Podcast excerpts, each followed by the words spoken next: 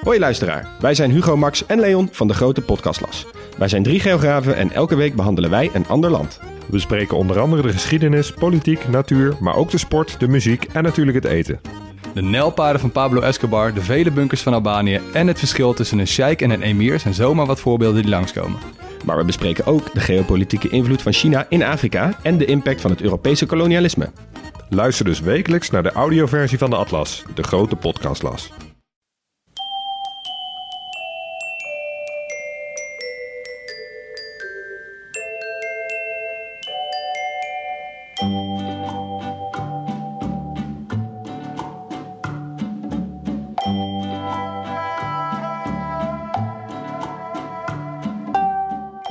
Welkom bij aflevering 106 van de Echt Gebeurd podcast, waar waar gebeurde verhalen worden verteld door de mensen die het zelf hebben meegemaakt. In deze aflevering het verhaal van Jacqueline Noordhoek. Het thema van de middag was Voor het geld.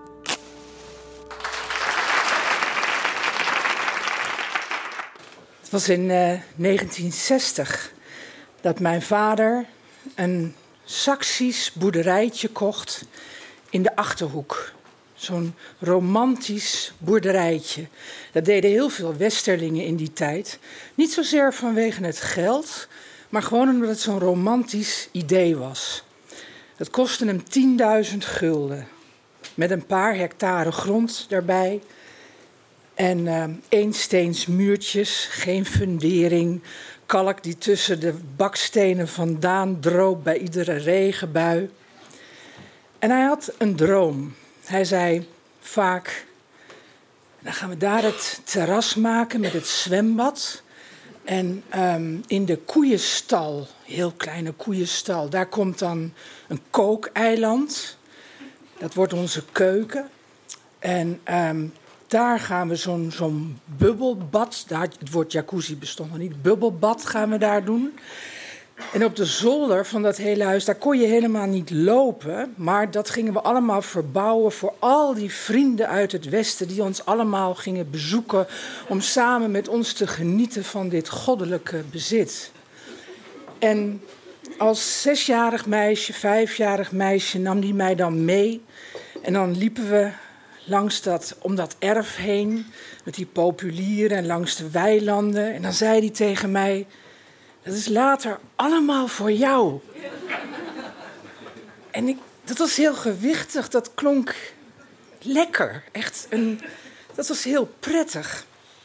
Maar ja, die droom die moest uitgevoerd worden en dat was niet mijn vaders sterkste kant. Hij um, kwam er niet toe om wat dan ook te ondernemen. Dus als je je schoenen twee dagen op dezelfde plek liet staan, waren ze groen aan de onderkant van de schimmel. De kledingkast, als je die opendeed, die roken heel muf. En als het regende, en dat deed het daar op de een of andere manier veel, dan hadden wij klaarstaan 30 emmertjes. En die zetten we in de woonkamer neer. En op die plekken waarvan wij wisten dat het zou gaan komen, daar droop dan van dat vieze bruine drap naar beneden. Ik heb ook wel eens een regenworm in mijn bed gevonden. En mijn vader was, dus, dat was een dromer. Hij zei ook vaak tegen mij van... Uh, dan zat ik zomaar een beetje te krassen. Ik kon nog helemaal niet schrijven. Ik zat te krassen. En dan zei hij... Oh, daar staat eierdopje. En ik groeide... Jij wordt later vast minister. Hij was een ontzettende dromer. Maar ja, de jaren verstreken en ja, dat huis raakte maar niet opgeknapt. eigenlijk was het precies de andere kant op, want het, het verviel. En zelfs als het sneeuwde, dan werd de deel wit. Ik heb daar prachtige foto's van. Hij kon daar heel goed foto's van maken. um, mijn moeder um, werd het een beetje zat. Die kon niet meer zo goed leven met die droom. En met, ja, die kreeg het gevoel, er wordt me wat op de mouw gespeld. En het leven was ook wel zwaar met koken op gasflessen. En um, ja, steeds maar kleren, wassen. En, en geen, we hadden niet eens een riolering. Uh, dus het was een zwaar leven. En na een jaar of tien besloot zij te gaan scheiden. Mijn vader bleef in dat huis achter. En ik kwam in het kader van de omgangsregeling uh, iedere zaterdag bij hem. Um, en op een gegeven moment was wel duidelijk dat hij daar in zijn eentje niet ging, ging rooien. Hij, hij moest het huis verkopen. Het werd dus na een jaar of 10, 12 verkocht. En toen kreeg hij er 250.000 gulden voor. Er was dus blijkbaar school daar nog steeds een illusie, een droom in. En hij voelde zich een rijke man. Hij zei tegen mij: Dat is later allemaal voor jou. En het voelde nog wel lekker, maar toch iets niet meer helemaal zo lekker als toen in het begin. En hij zei toen, op een gegeven moment, het huis was verkocht, hij had het geld en hij voelde zich zo rijk. Hij zei op een gegeven moment, ik was op een zaterdag in het kader van de omgangsregeling weer bij hem. En zei we gaan vandaag met tante Janneke, dat was zijn toenmalige relatie. Het kan ook tante Ushi of Lili of Dini geweest zijn. Anyway, we gingen naar de RAI in Amsterdam, naar de Hiswa. En um, ik had nog nooit zoiets van dichtbij gezien, dus ik was heavily impressed door al die boten en die mensen die daar rondliepen met nou ja, geld op zak en betaalbare dromen. Ze nipten champagne, ze rookten sigaartjes. En mijn vader zag daar een jacht op van die hoge, een jacht. Het was 14 meter lang. Ik weet niet of u wel eens een jacht van dichtbij hebt gezien, maar dat is heel erg groot. En hij werd daar verliefd op, ter plekke. En hij besloot het te kopen. En hij had nog nooit iets aan watersport gedaan. Hij had nog niet gevist. Hij kon niet zwemmen. Hij had nog nooit gevaren. En toch besloot hij op dat moment: ik wil die boot. En hij betaalde meteen ter plekke een aanbetaling van 80.000 gulden. En hij zei: dat is later allemaal voor jou. En ik voelde het toen, ging het een beetje verdacht aanvoelen. Op de een of andere manier. Ik kon het geen woorden geven. Ik was 12, 13, 14 jaar. Ik, het voelde niet goed. En als ik dan weer thuis kwam bij mijn moeder, dan zei mijn moeder: Wat zeg je? Heeft hij een boot gekocht? Hij kon die boerderij al niet staande houden. Laat staan dat hij straks met die boot, wat moet hij ermee? En ik voelde me toch, ik zat daar klem. Ik zat klem tussen haar harde oordeel over die man die zijn dromen bleef najagen. En zijn dromen die toch ook wel weer mooi waren.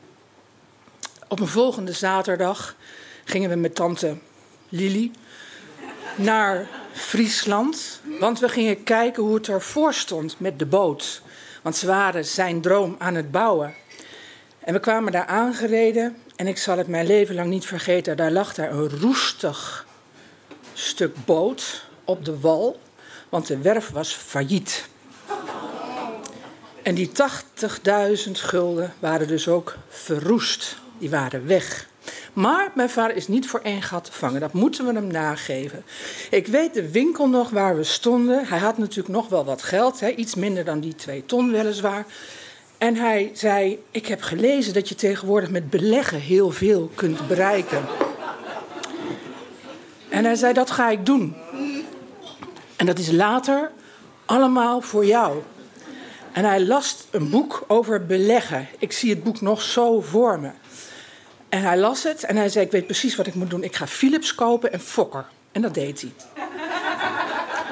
Op de dag dat hij Philips kocht. Hij schafte zich ook trouwens een grafiek van dat papier aan. En op de dag dat hij Philips kocht, noteerde hij de datum op die grafiek, op dat papier. De rode lijn was het aankoopbedrag. En de blauwe lijn was de koers. En die ging vanaf die dag alleen maar omlaag, omlaag, omlaag. Hij heeft jarenlang gezegd: echt, dit gaat goed komen. De, het boek zegt het, ik moet gewoon geduld hebben. Maar het gaat echt goed. Dat kwam niet goed. Philips, dat, ging, dat werd gewoon helemaal niks. Hij heeft dat met zwaar verlies verkocht. Maar hij had altijd nog Fokker. En hij zei tegen mij: Weet je, het was vanavond nog op het nieuws. Frank Zwartouw heeft het zelf gezegd, dat was de president-directeur of zo. Heeft het zelf gezegd, het komt allemaal goed. Maar het kwam niet goed. En hij had die aandelen voor 30 gulden per stuk gekocht. En hij verkocht ze nog net voor het faillissement voor 2 cent per stuk. Maar ondertussen had hij gelukkig een erfenis gekregen. Tante Thea was namelijk dood gegaan en die liet hem een huis naar ter waarde van 3 ton, 300.000 gulden. Inmiddels moest ik ook voor hem gaan omzien naar een bejaardenwoning. Dus ik mocht zijn eigenlijke woning ook te koop zetten. 2,5 ton, prima. Hij ging meteen beleggen. En hij zei tegen me: Ik ga het proberen, lieve schat, want het is later allemaal voor jou.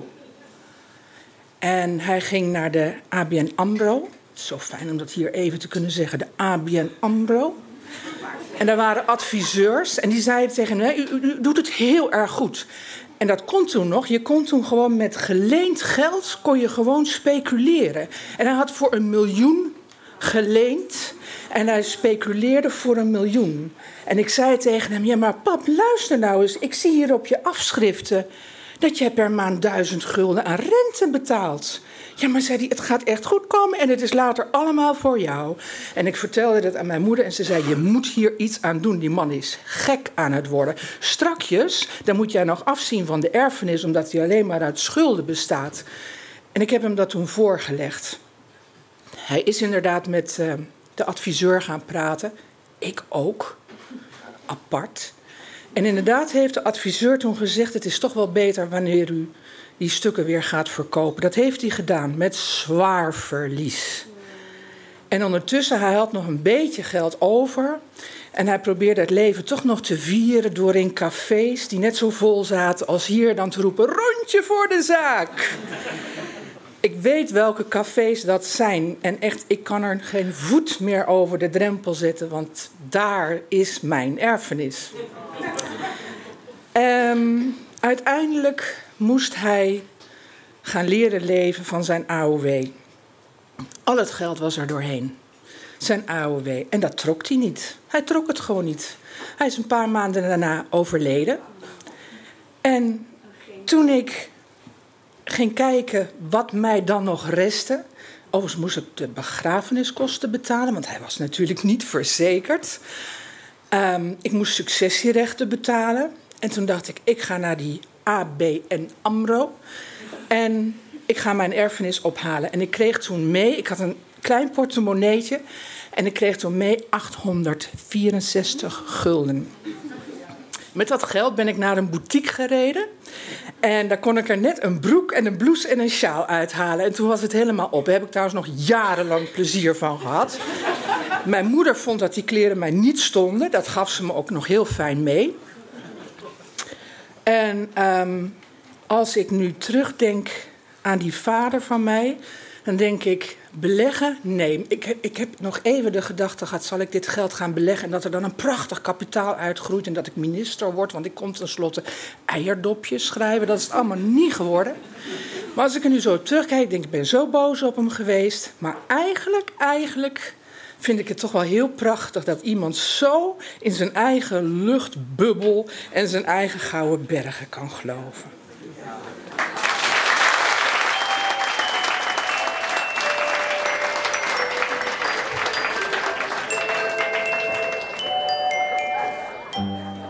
Was het verhaal van Jacqueline Noordhoek. Echt gebeurd wordt iedere derde zondag van de maand opgenomen in Toemler, onder het Hilton Hotel in Amsterdam. Wil je ook een keer een verhaal vertellen? Of ken je iemand met een goed verhaal? Ga dan naar www.echtgebeurd.net. Je kunt je daar ook opgeven voor onze nieuwsbrief.